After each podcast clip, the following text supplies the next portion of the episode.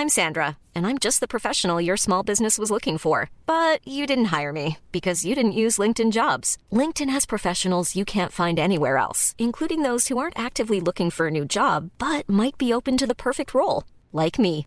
In a given month, over 70% of LinkedIn users don't visit other leading job sites. So if you're not looking on LinkedIn, you'll miss out on great candidates like Sandra. Start hiring professionals like a professional. Post your free job on linkedin.com/people today. When you're ready to pop the question, the last thing you want to do is second guess the ring. At Bluenile.com, you can design a one of a kind ring with the ease and convenience of shopping online. Choose your diamond and setting. When you find the one, you'll get it delivered right to your door. Go to Bluenile.com and use promo code LISTEN to get $50 off your purchase of $500 or more. That's code LISTEN at Bluenile.com for $50 off your purchase. Bluenile.com code LISTEN. Since 2013, Bombas has donated over 100 million socks, underwear, and t shirts to those facing homelessness. If we counted those on air, this ad would last over 1,157 days. But if we counted the time it takes to make a donation possible, it would take just a few clicks. Because every time you make a purchase, Bombas donates an item to someone who needs it. Go to bombas.com slash ACAST and use code ACAST for 20% off your first purchase. That's bombas.com slash ACAST, code ACAST.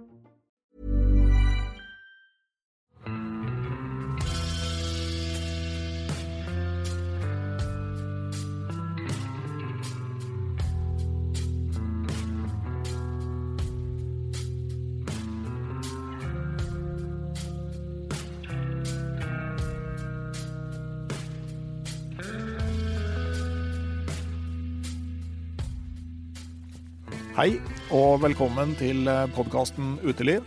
Mitt navn er fortsatt Randulf Valle, og i dag så sitter jeg i de dype skogene i Nord-Trøndelag, eller kanskje vi skal si nord i Trøndelag.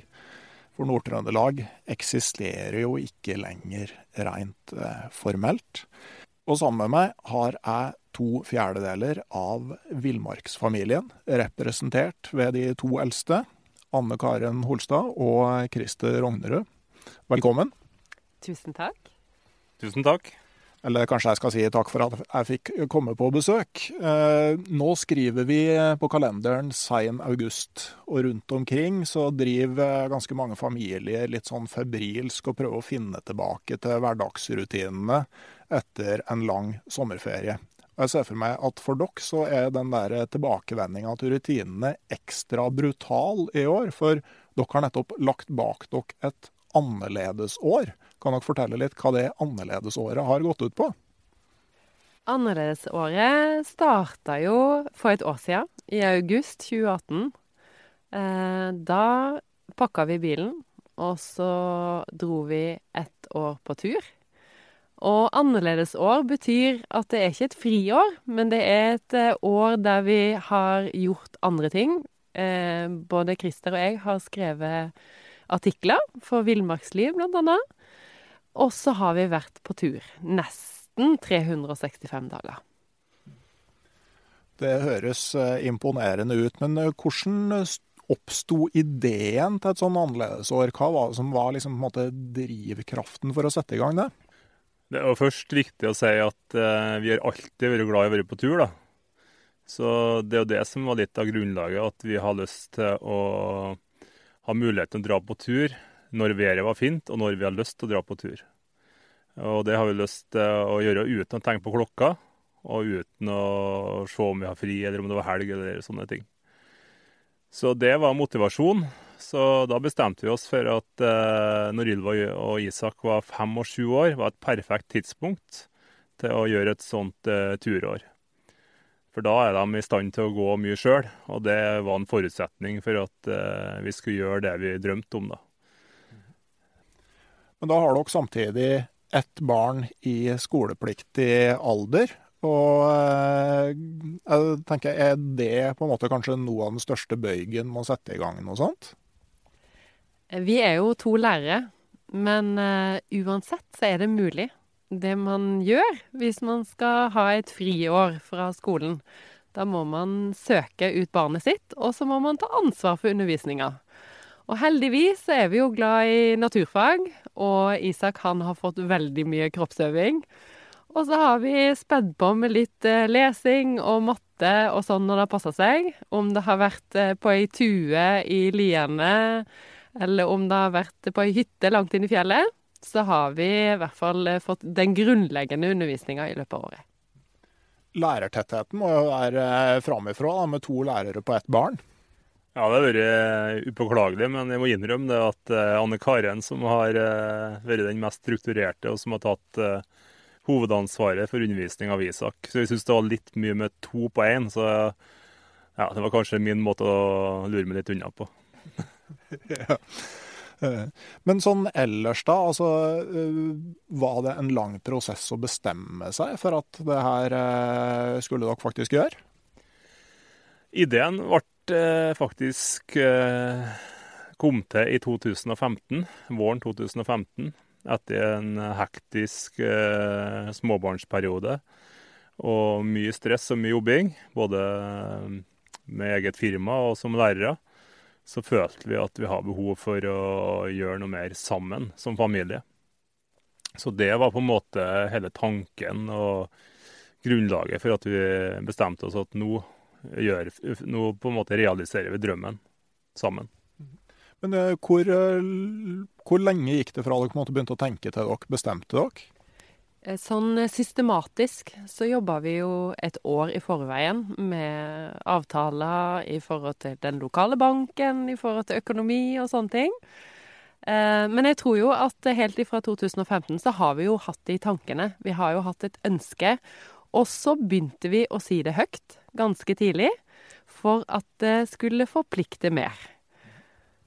Ja, og nå har ikke jeg tatt et helt år fri noen gang, men jeg har vært borte, liksom tatt sånn, litt sånn avbrekk fra hverdagen på noen måneder. Og det vanskeligste er jo egentlig å bestemme seg for at du faktisk skal gjøre det. ikke sant? Altså Når du først har tatt avgjørelsen, så er det bare en sånn der rekke med praktiske ting man må løse. Jeg tror jo at mange så tenker at det er vanskeligere enn det egentlig er.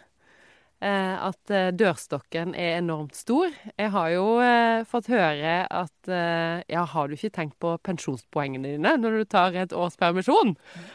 Og jeg ser jo på det her, altså for min del spesielt, som har vært veldig opptatt med lærerjobb og veldig klokkestyrt, så har jo dette her vært en fantastisk mulighet til å koble helt ut. Altså få lov å leve nesten uten klokke. Det har kanskje vært det aller, aller beste med året vårt på tur. Hvis vi prøver å gå igjennom litt, altså hva, hva har dere gjort i løpet av det året? Dere, start, ja, dere starta vel med Dere har fått med dere to somre, da, og så eh, resten av året i tillegg? Ja, vi, har, eh, vi starta den 11. august, og da drog vi til Femundsmarka nasjonalpark sammen med et vennepar. Og var på fisketur og tur med pakkraft i fire dager. Det var på en måte starten. Eh, og vi starta faktisk uten bobil, for den var ikke helt klar ennå. Så ting eh, ble litt til underveis. Men etter vi var ferdig i Femundsmarka, så kjørte vi videre til Steigen og Norskott. Uh, og Mannshausen, som Børge Østland uh, har kjøpt, som er kjent plass, blitt en kjent plass på Stegen. Så da fikk vi levert bobilen i Stegen eh, mens vi var der. Og så tok de eh, og ja, leverte bobilen til oss der, og så fortsatte vi videre til Andøya etter det. Så dere har vært en god del på farten det året her? Ja, vi har vært eh, noen lange ekspedisjoner eller turer i Nord-Norge der vi har besøkt flere steder. Samtidig så Det er fint, men samtidig så syns vi jo at det her å få de her skikkelig villmarksturene innimellom, det har jo virkelig vært noen store høydepunkt i løpet av året vårt. Blant annet så hadde vi en kjempefin tur i Steigen, langt ute i villmarka. Eh, og det var kanskje starten på det her ordentlige turlivet, for det er jo det egentlig jeg og Christer virkelig liker. Det å dra på tur, gjerne gå et godt stykke men selvfølgelig tilpasse det til ungene. Ja, Og, eh, men så kommer jo høsten, og så går det over mot vinter. Ei sånn tid hvor mange kanskje ikke er så fryktelig mye på tur. Altså, hvordan, eh, hvordan løste dere på en måte den delen av året? Vi var faktisk veldig spent på den tida der. Å ha med små unger ut i sånn, eh, da, i november, desember, januar. Den mørkeste tida, den kaldeste tida. Så det brukte vi litt tid på å planlegge. Så det vi kom fram til, er at vi tar oss et uh, månedsopphold på ei hytte. Uh, ganske langt ifra vei, uten innlagt strøm og vann. Og så er vi der, og så feirer vi både jul og nyttår på, ute i villmarka. Og det gjorde vi. Vi fikk etter hvert lånt oss ei hytte inne i Sørli. Og det var basen vår. Vi skjøt vår egen juletiur. Vi feira jul i snøhule. Og pakka opp pakker og spiste julegrøt og kosa oss. Og det er en julekveld som vi alle kommer til å glemme. Og som vi absolutt kan anbefale andre småbarnsfamilier å gjøre. Og det trenger ikke å være langt fra heimen. Det kan være bare ute i nærskogen. Da får en god tid til hverandre. Han får gode samtaler. og TV og radio og andre ting, mobiler, distraherer ikke deg. Da er det fokus på familien og, og snakke sammen og være i lag. Det er kvalitetstid. Ja, for noe av det som hvert fall jeg merker meg når du har med unger på tur, og spesielt når det blir én-til-én mellom voksne og unger, er jo det at de blir jo mye roligere, og du får prata om ting du aldri ellers liksom kommer helt i gang med. Ja, jeg tror at eh, bare det å sitte rundt et bål, da. Altså det trenger jo ikke være langt unna sitt eget hus heller. Og så sitter du der, kanskje steiker du vafler, eller du popper popkorn, eller du bare sitter og slapper av. Og så plutselig så begynner ungene kanskje å fantasere, lage eventyr, og så sier de ting som de har inni hjertet sitt. Og da har man plutselig laga et magisk lite øyeblikk. Men når dere dro til Lierne og skulle være på den hytta en måned, eh, tenkte dere på forhånd at mm, det her kan kanskje bli litt lenge? Ja, vi tenkte jo på det. Så eh, vi var veldig opptatt av at, vi skulle, eh, at det skulle være på ungene sine premisser. At vi skulle utnytte det lille dagslyset som var, det lille, det lille vinduet som var. da. Så vi laga akebakker, og vi laga tre snøhuler tror jeg, i løpet av oppholdet. Og vi fyra bål i skogen og poppa popkorn. Eh, dro på isfiske, jakta tiur, rype fanga mår. Så vi gjorde veldig mye forskjellig. Både ting som uh, Anne Karen og jeg likte veldig godt, men uh, vi måtte jo tilpasse til ungene. Vi kunne jo ikke gå på lange jaktturer etter tiuren i 20 minus. Det ble ganske korte turer. Så det ble vel litt annerledes enn spesielt pappa hadde sett for seg. da. Jeg håpa at vi skulle få jakta litt mer tiur, og at ungene skulle være veldig entusiastiske. Men de planene måtte jeg legge om. Men det gikk bra. Det tror jeg kanskje er en litt sånn nøkkel òg, hvis man eh, skal ha med unger på tur. Og eh, det der å være villig til å legge sine egne eh, måte, ønsker og, og, tanker om hva turen skal være, litt til side, og så se litt hva ungene vil. Ja, absolutt. Jeg tror òg det å fange de her øyeblikkene. Altså, vi hadde noen veldig fine øyeblikk når vi gikk på tur i Børgfjell. Da plutselig så så de en frosk. Og en annen plass vi stoppa, så så de en røyskatt. Og da glemte de jo at de var på vandretur. De glemte jo at de skulle gå eller hadde gått. Og så var det røyskatten som betydde alt. Ja, det, men tilbake til det der med sånn månen oppe i Lierne. Eh, når man er såpass lenge på ett sted Når jeg har prøvd det sånn litt tilsvarende i Pasvik i mørketida med små unger, så liksom kanskje de første to-tre dagene så har jeg ofte tenkt at oi, det her blir lenge å være her i en to-tre uker. Og så kommer du inn i en sånn derre eh, steam hvor det er vanskelig å etterpå si hva du egentlig har gjort. Du har liksom stått opp og drikket kaffe og spist frokost og tatt en skitur og ei badstue og spist middag, og det var den dagen. Og så før du vet ordet av det, så har det gått to uker. Og så har dere noe av den samme følelsen, at det er litt sånn en del tid i midten som en sånn tur som bare på et vis forsvinner? Ja, det er faktisk eh, Vi opplevde det sånn. Eh, etter de kanskje tre-fire første dagene så tenkte vi oi, skal være en hel måned, ja. Det kan bli veldig intimt og veldig tett. Eh, for det ble jo mye innetid i den hytta på den årstida.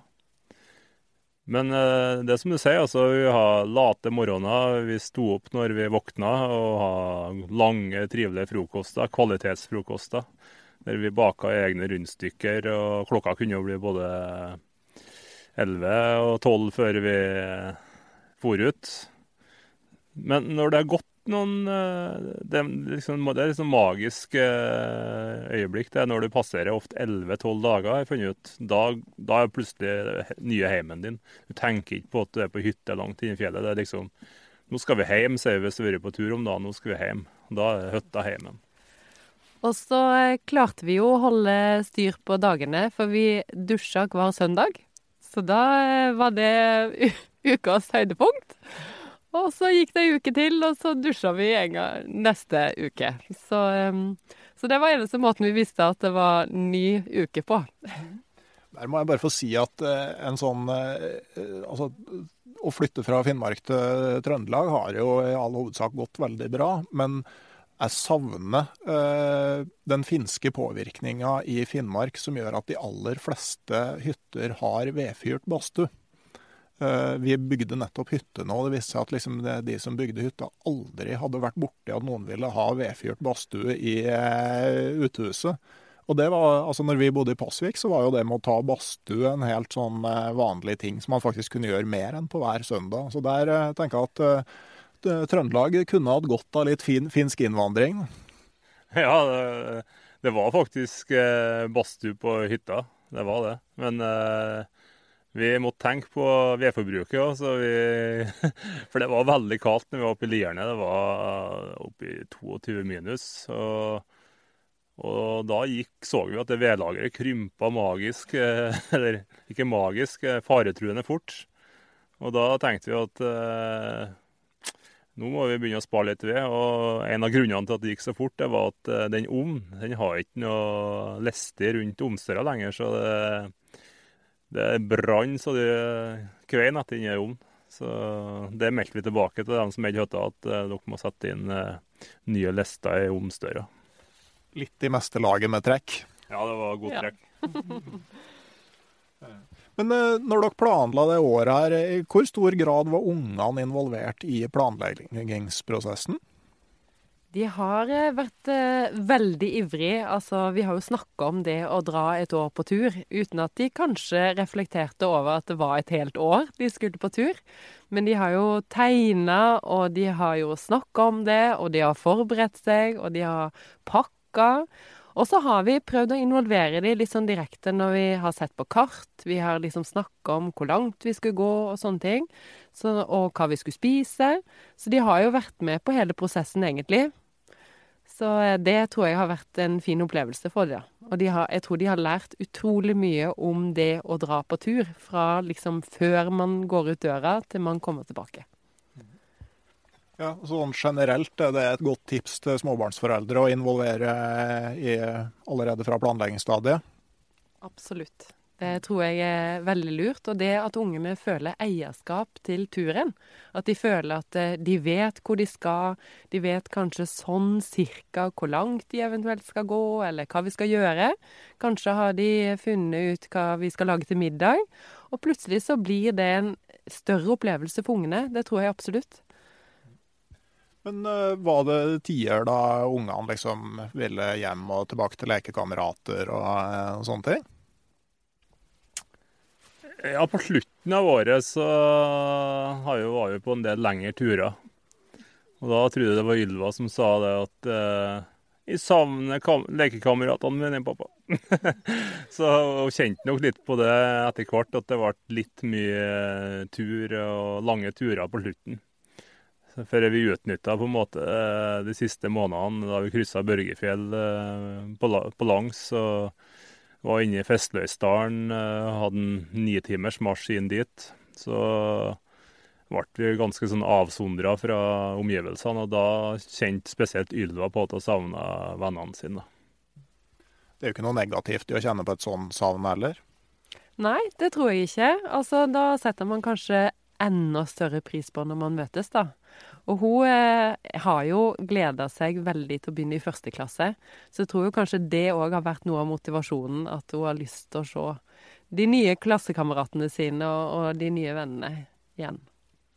Så er det vel òg sånn at det at man får en liten knekk sånn som det der, så det har jo ofte litt å gjøre med at kanskje blodsukkeret har eh, ramla litt, og at eh, synet på livet endrer seg veldig etter eh, en halv banan og en seigmann, liksom. Det. ja, det er utrolig hva en sjokoladebit kan snu humøret og få opp energinivået igjen. Men jeg tenker det er sunt da, å på en måte få litt kontraster til det behagelige og det hverdagslige. For det kjenner jeg jo på sjøl når en kommer tilbake. Det trenger kan være bare en dagstur i fjellet. Så er det utrolig godt å komme hjem, ta seg en dusj og, og spise litt mat. Men sånn som for oss da, som var så lenge ute, så ble det enda sterkere, de kontrastene.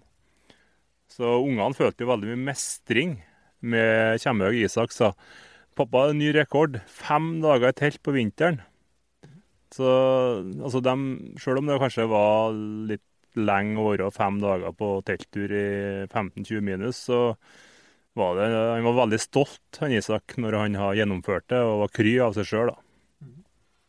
Ja, nå, når vi sitter og tar opp det her, så er vi sånn i slutten av august, og det er ikke så lenge siden det var en uh, større sånn uh, artikkel på nrk.no som tok for seg det med turforeldre som kanskje kan bli litt sånn overambisiøse. Jeg har trukket fram liksom mye fra toppturer i Jotunheimen og sånn, hvor, hvor, det til og med går over i det uforsvarlige. Uh, men eh, hvordan eh, går dere fram for å på en måte finne, finne den riktige balansen mellom altså Det handler jo om å finne en balanse mellom opplevelsene man vil gi dem, og risikoen man utsetter dem for. Sånn, hvis, du, hvis du går liksom helt til kjernen av det. Men hvordan har dere liksom følt dere fram der?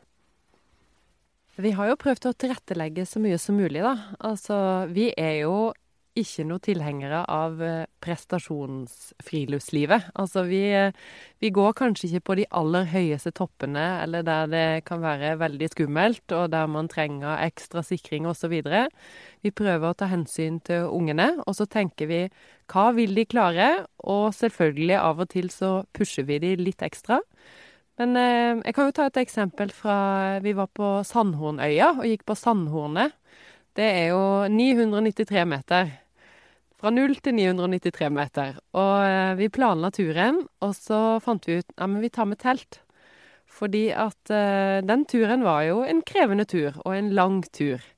Men så hadde vi med telt, sånn at vi visste at uh, vi kunne slå leir nesten hvor som helst. Om det ble veldig tungt etter 400 meter, så kunne vi slå leir der òg, for at uh, det ikke skulle bli bare mas. At det skulle bli bare tungt. Men eh, den var jo litt artig, den kommentaren fra Ylva, da. For hun eh, sa jo til eh, pappa Christer på vei opp 'Hvorfor gjør vi det her?' Og det er jo et veldig godt spørsmål fra en eh, seksåring. For det er jo et poeng at eh, det å gå på topptur, det er jo bra mestring, men samtidig det er kanskje av og til de voksnes behov som står i fokus. Ja, kanskje, men jeg opplever jo med hun eldste mi er sju og et halvt. Eh, vi var på Galdhøpiggen sammen i fjor, da var seks, da, og i år var vi på Glittertind. Den er jo ganske mange høydemeter, så tok den, eh, der tok vi med telt et stykke opp og, og delte de to. Men jeg opplever at hun blir veldig motivert av et mål som er så konkret og enkelt å få øye på. Men sånne loffeturer hvor vi skal se hvor langt vi kommer, da kommer vi aldri spesielt langt. Ja, men der er unger litt forskjellige, da. Ylva f.eks. hos oss hun er mer en sånn nysgjerrig jente som eh, er mer nysgjerrig på det av dyr og fugler og insekter og sånne ting. Mens Isak han er idrettsgutten. Han er sju år. Han eh, er mye ja, setter mye mer pris på de toppturene vi har hatt enn uh, Ylva. Så, og så er det sånn at uh, jeg er kanskje mer typisk jeger og fisker, mens Anne Kare nå liker å gå på topptur. Så noen ganger så må en bare legge opp til at en må gi og ta. Så når vi var på Sandhornet, så var det kanskje Anne Karen sitt største ønske. Men det ble en veldig flott tur, og alle var fornøyd. Og ja, det er litt sånn at du kan ikke bare gjøre ting på ungenes premisser heller, men vi er veldig opptatt av at det skal ikke være å utsette dem for noe risiko. Det, det, ja, det kanskje det farligste vi har gjort på det året på tur, det er nok at uh, vi var ute i, og var på ganske lang tur i 20 minus, og ungene ble veldig kalde på føttene. Så at vi måtte forte oss tilbake til hytta og begynne å varme opp uh, føttene med hud mot hud. Så det er nok det, og kanskje det, det farligste vi har gjort på turen. Ja, så tenker jeg også at altså, Hva som er risiko altså det, det, har jo enormt Det er veldig avhengig av kunnskapsnivået til foreldrene. For at noe som er helt trygt for noen, er kjempeskummelt for noen andre. Og jeg tenker også mentalt for ungene. Altså det å se at foreldrene er utrygge, det finnes jo ikke noe verre enn det. Nei, jeg tenker at man må jo ta utgangspunkt i seg sjøl. Altså kjenne på Har man eh, voldsomt med høydeskrekk, så er det kanskje ikke de bratteste tindene man skal legge ut på. Så eh, jeg tror jo at unger, unger reagerer veldig på hvis mamma eller pappa syns at det her er ikke trivelig, eller det her er ikke greit. Så eh, jeg tror nok at eh, foreldre må gå i seg sjøl, og det har jo vi gjort dette året òg. Altså, det er jo litt sånn som Krista sier det, at jeg, vi er forskjellige, og noen ganger så er det mine behov, og noen ganger er det Krista sine behov, og de fleste gangene er det ungene sine behov som står i, mest i fokus. Og så tenker jeg at altså, det er jo Sjølsagt så skal man ikke eh, utsette ungene for risiko og fare og fryktelig mye ubehag, men samtidig jeg tenker jeg har jo ikke noe vondt av å merke at de blir slitne, eller at det er vått og litt småfrøssent så lenge eh, som de vet at med en gang du setter opp teltet og kryper i posen, så er det, det er lunt. Altså, vi må ikke bevege oss dit hvor, liksom, eh, hvor alt blir en sånn slags fornøyelsespark, tenker jeg, hvor du måte, bare tar imot uten å gi noe. Nei, det er helt enig til. og Ungene eh, vil jo føle mestring på at de takla å være ute på en lang skitur i 20 minus. For de så at det gikk bra. Vi kom oss tilbake og fikk varmen. Eh, så en må En kan ikke leve, leve i bare komfort hele tida heller. En må tørre å pushe litt, men det er på en måte å vite hvor eh, grensene går. og Vi har jo på en måte drevet med friluftsliv helt siden vi var små, og på en måte har gått graden da, oppover. Gått, eh, på en måte gått stegene trappa. Eh, men det er kanskje det som er litt sånn eh, farlig her Instagram- og Facebook-tidene. At eh, målet er å komme på toppen og ta et Instagram-bilde og poste. Da tror jeg du kan få sånn at det henger så høyt og styrende at de glemmer kanskje å si at oi, den toppen der, å ta med ungene på det, det har jeg kanskje ikke nok erfaring til å gjøre. Og det har vi jo sett mye eksempler på, som det vært skrevet om den artikkelen du nevner på NRK. Eh, jeg tror det var 'Toppturbarna', heter artikkelen.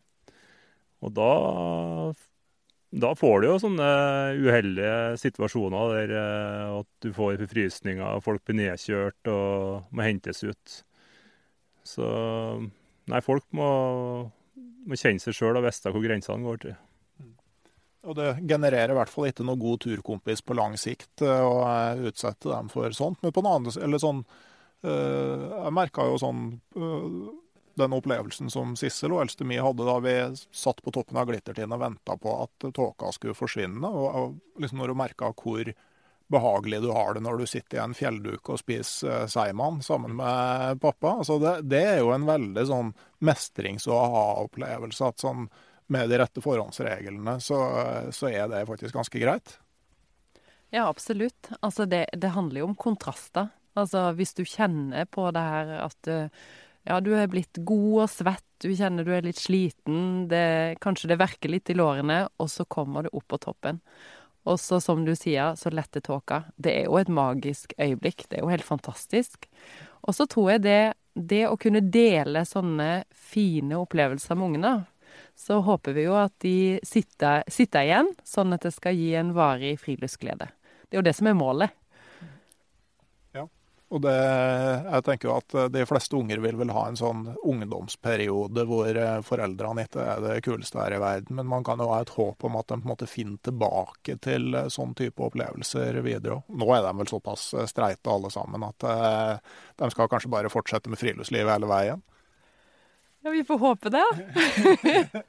vi får håpe vi har gitt dem noen, noen, en god ballast før de har blitt så store at det ikke er kult. Og så kanskje de velger friluftsliv når de skal på folkehøyskole, da. Da har vi kanskje oppnådd noen ting. Tenk om de eh, drar til Trøndertun for å spille elgitar i stedet. Ja. Nei, ungene må få gjøre det de syns er artig sjøl. Men eh, vi har jo merka det at eh, det har jo klart vært litt sutring. Og, og 'pappa, her er kjedelig. Hvorfor skal vi gå gjennom hele Børgefjell?' og sånt. Og så når vi er ferdige, så er de stolte, og de føler mestring. En skal ikke være redd for at de er litt sur og grinete og så tenke å, nå har vi gjort noe som vi ikke burde ha gjort. For jeg tror det går inn, altså. Det, det, må, det må synke inn. Og så er det sånn at det virker over tid, og så tenker de tilbake på det som noe som var veldig fint, og som de er stolt av, og som de tar med seg videre i livet. Eh, som jeg tror kan skape en varig interesse for en livs, livslang interesse for friluftsliv da, og sunne, gode verdier. Ja, jeg har òg veldig tro på det at altså, den der vissheten om at du har gjort noe som faktisk kosta deg noe, at det, det er en, eh, en, viktig lærdom å ta med. Sånn, litt sånn pass på at man ikke blir sånn curlingforeldre som eh, tar bort alt som er vanskelig her i verden. Ja, det tror jeg absolutt. Og så tror jeg kanskje ikke vi skal kimse av det her skjulte kunnskapen vi lærer det. Ja. Altså det med at vi eh, Når vi er på tur, så er de med å sette opp telt. De er med å fyre opp bålet. De er med å lage mat på primus. Og jeg tror at alle sånne småting, det har de med seg. Og det er en fantastisk lærdom videre i livet. Plutselig så kanskje skal de på klassetur, og så kan de jo fyre opp bålet med ei fyrstikk. Og så er det kanskje ikke læreren engang får det til. Så jeg tror jo det òg, det å føle at man mestrer noe som kanskje ikke alle kan, det tror jeg er veldig viktig, da. Da tror jeg vi har nå lært ungene nysgjerrigheten av det som vi finner på bakken, insekter. I Børgefjell så ble ungene så nysgjerrige på Vi så en sommerfugl med røde flekker på, som da var en bloddråpesvermer. Og så har de lært seg det, og så så de eh, Hørte de en lyd inni fjellet mellom noen steiner. Og det viste seg at det var en røyskatt. Altså den nysgjerrigheten i det enkle, nære friluftslivet som vi voksne kanskje ikke ser, som ungene ser. Der, eh, det har jeg lært litt av hver året på tur, at det er utrolig artig, og hvor mye artig du kan lære av, av, om geologi. Hvis vi fant en plante, så begynte vi å lese om den planten. Så viste det seg at den planten var en indikasjon på at det var visse mineraler, mye mineraler i det området osv. Så, videre. så det er mye eventyr og mye spennende eh, ting som vi ikke skjønner hva er. Hvis du orker å på en måte være litt nysgjerrig og undersøke det vi har rundt oss. Og da tror jeg at naturen får en større verdi òg. Ja, Det er jo sånn du merker liksom at ungene eh, Du ser den der vesle verden. I hvert fall er jeg har lett for å heve blikket og se mot neste blåne, og så er det liksom en hel verden rundt fotene dine. Ja, absolutt. Altså, eh, vi har jo med ungene på nærturer. Det er jo kanskje det vi har drevet mest med når de var mindre. Og det å ta dem med på sopptur, f.eks., og eh, ta dem med på forskjellige ting, der de, der de, plutselig ser noen ting, og så blir det det viktigste med hele turen. Altså om de har sett et dyr, eller om de har sett en plante. Og så er det det turen dreier seg om. Det tror jeg eh, vi voksne vi eh, er ikke flinke nok. Men klarer vi å stoppe opp og høre på de her små fantastiske vesenene som finner alt mulig rart, så tror jeg vi òg kan få en større turopplevelse. Ja, og du får i hvert fall òg en spire til liksom, å utvide din, din egen uh, kunnskap. Det er, det er absolutt, uh, absolutt, noe å, å, ta med seg. Uh, men nå er dere tilbake på Snåsa som utgangspunkt. og det er jo ikke det verste utgangspunktet man kan ha hvis man er turinteressert. Men, men jeg registrerer jo at Nord-Trøndelag er litt sånn der i folks bevissthet, litt sånn bakevje i norsk turliv. Det er ikke så mange som drar dit. Hvorfor tror du at det er sånn? Nei, jeg tror det er litt sånn fordi at i Trøndelag så har vi ikke de mest spektakulære toppene og de mest spektakulære fjordene, men vi har fantastisk, en, et fantastisk villmarksområde. Vi kan nevne Børgefjell nasjonalpark, vi har Lierne nasjonalpark, Blåfjella, Skjækefjella nasjonalpark, blant annet. For dem som er interessert i å komme seg bort ifra det i stier og organiserte friluftslivet, så er det enorme muligheter. Og det er nettopp det jeg sitter igjen med etter året på tur. Det er ikke de turene vi kjørte med bobil nødvendigvis og var i Lofoten nært vei og nært komforten. Det var nettopp de turene der vi dro og var én måned i villmarka, var seks dager på tur gjennom Børgefjell, feira 17. mai innerst inne i Lierne nasjonalpark på grensa til Sverige. Det er nettopp de turene som ga meg mest eh, ro og de beste opplevelsene. Både med at vi var tett sammen, det var ikke dekning på mobilen.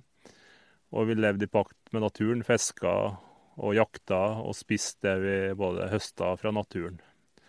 Så Men jeg tror akkurat det er sånne ting at eh, folk i framtida trenger mer av. da. Eh, og vi hører nå oppe i Lofoten, og vi merka vi sjøl det var så mye biler på den stranda vi har parkert på Hauklandstranda at vi kjente at her orker vi ikke være mer, nå drar vi, dette ble ikke trivelig. Og da lengta vi tilbake til villmarka og det enkle friluftslivet.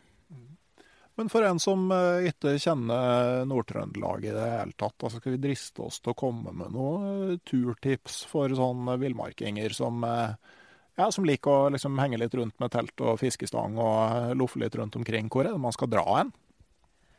Ja, En av de fineste turene våre, det har vi jo snakka litt om, det var jo å gå Børgefjell på langs. Altså det var jo en tur som eh, Vi tilpassa jo turen til eh, at ungene skulle være med, men allikevel. Seks mil på seks dager for en seksåring, det gikk helt fint. Og det er det er et helt annet landskap enn det vi er vant til, i alle fall.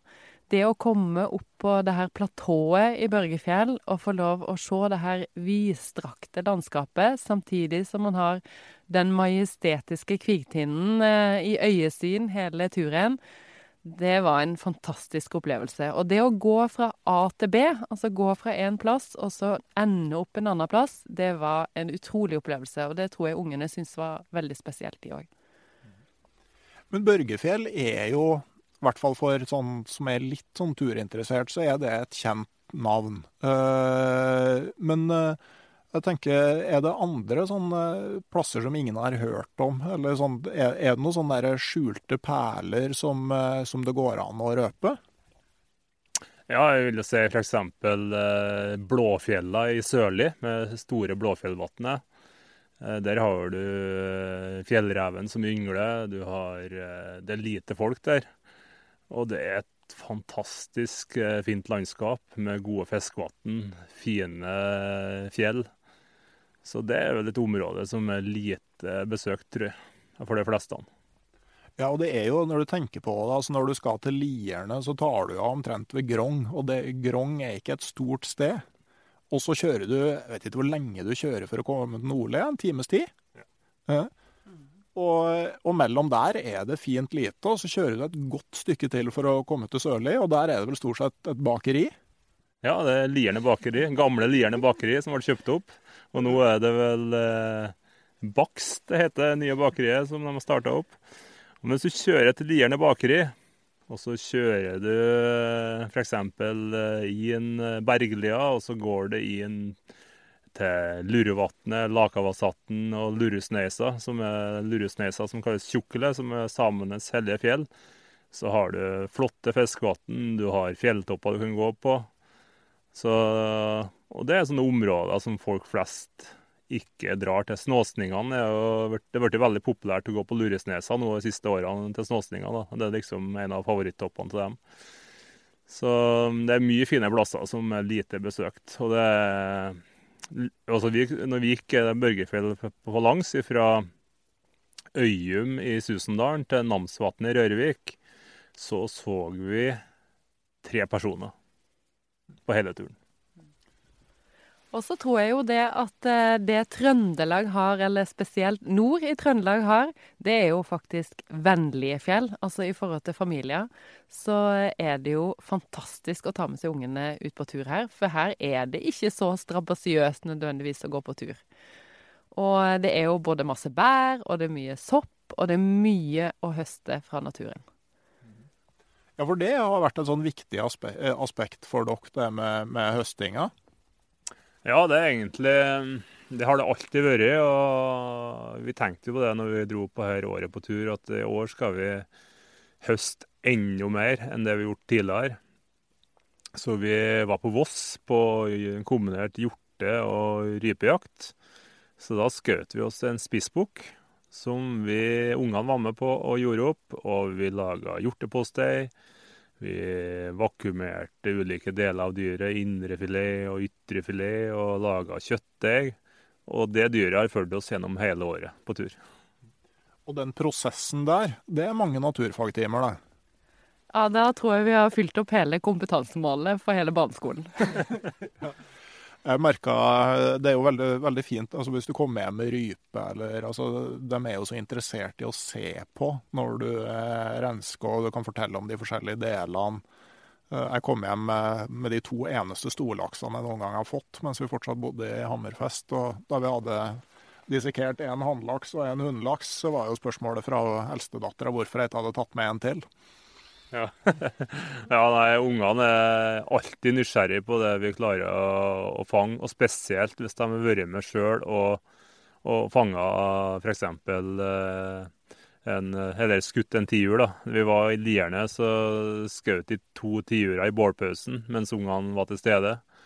Og de var nysgjerrige og de var stolte av de to fuglene. Og den eh, laga vi middag av når vi kom tilbake.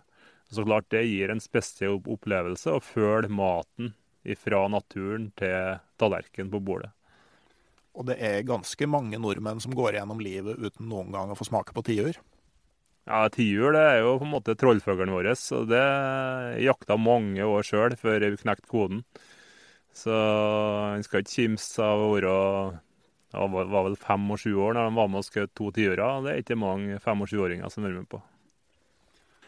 Eh, da tror jeg vi begynner å nærme oss en eh, slutt her. Men eh, jeg lurer på da, altså hvordan har den der, det å vende tilbake til hverdagen, hvordan har det gått? Jeg tror jo at den som har gleda seg mest, det er jo Ylva. For hun har jo gleda seg til å begynne i første klasse. Og så merker vi jo på at de syns jo det er kjekt å møte kompiser igjen. For mor og far Jeg har jo jobb, eller jobber mindre som lærer, sånn at jeg har mer tid til å dra på tur. Vi har gjort noen prioriteringer, så eh, jeg håper jo og Jeg lengter jo allerede tilbake til eh, Nå blir det jo snart jakt, jakttid, og jeg lengter jo tilbake til naturen. Så jeg vil jo ha mer. Enn du, Christer? Jeg skal fortsette å være frilansjournalist, så jeg har eh, en god grunn til å si til Anne Karen at nå skal jeg tre dager på tur og lage artikkel som vi skal tjene penger på. Så nei, jeg har fått bare smaken på å være enda mer ute og har lyst til å skrive mer og lære meg litt mer om film. Og, og vi har en plan om å Familien har en plan om at vi skal lage en eh, TV-serie med Villmarksfamilien. Og det håper vi får realisert i løpet av noen år. Selv om det er en krevende prosess å få det til, så har vi lyst til å være med og inspirere til et enkelt, enkelt norsk friluftsliv. Uten fokus på prestasjoner, men fokus på opplevelser, høsting og kos. Det hørtes veldig ut som noe som kunne passe som, eh, som eh, siste ord fra dere. Uh, og da tror jeg egentlig bare at jeg skal si takk for både si takk for meg og si takk for at dere stilte opp så kommer det en ny episode av podkasten Uteliv om ei uke. Ha det bra.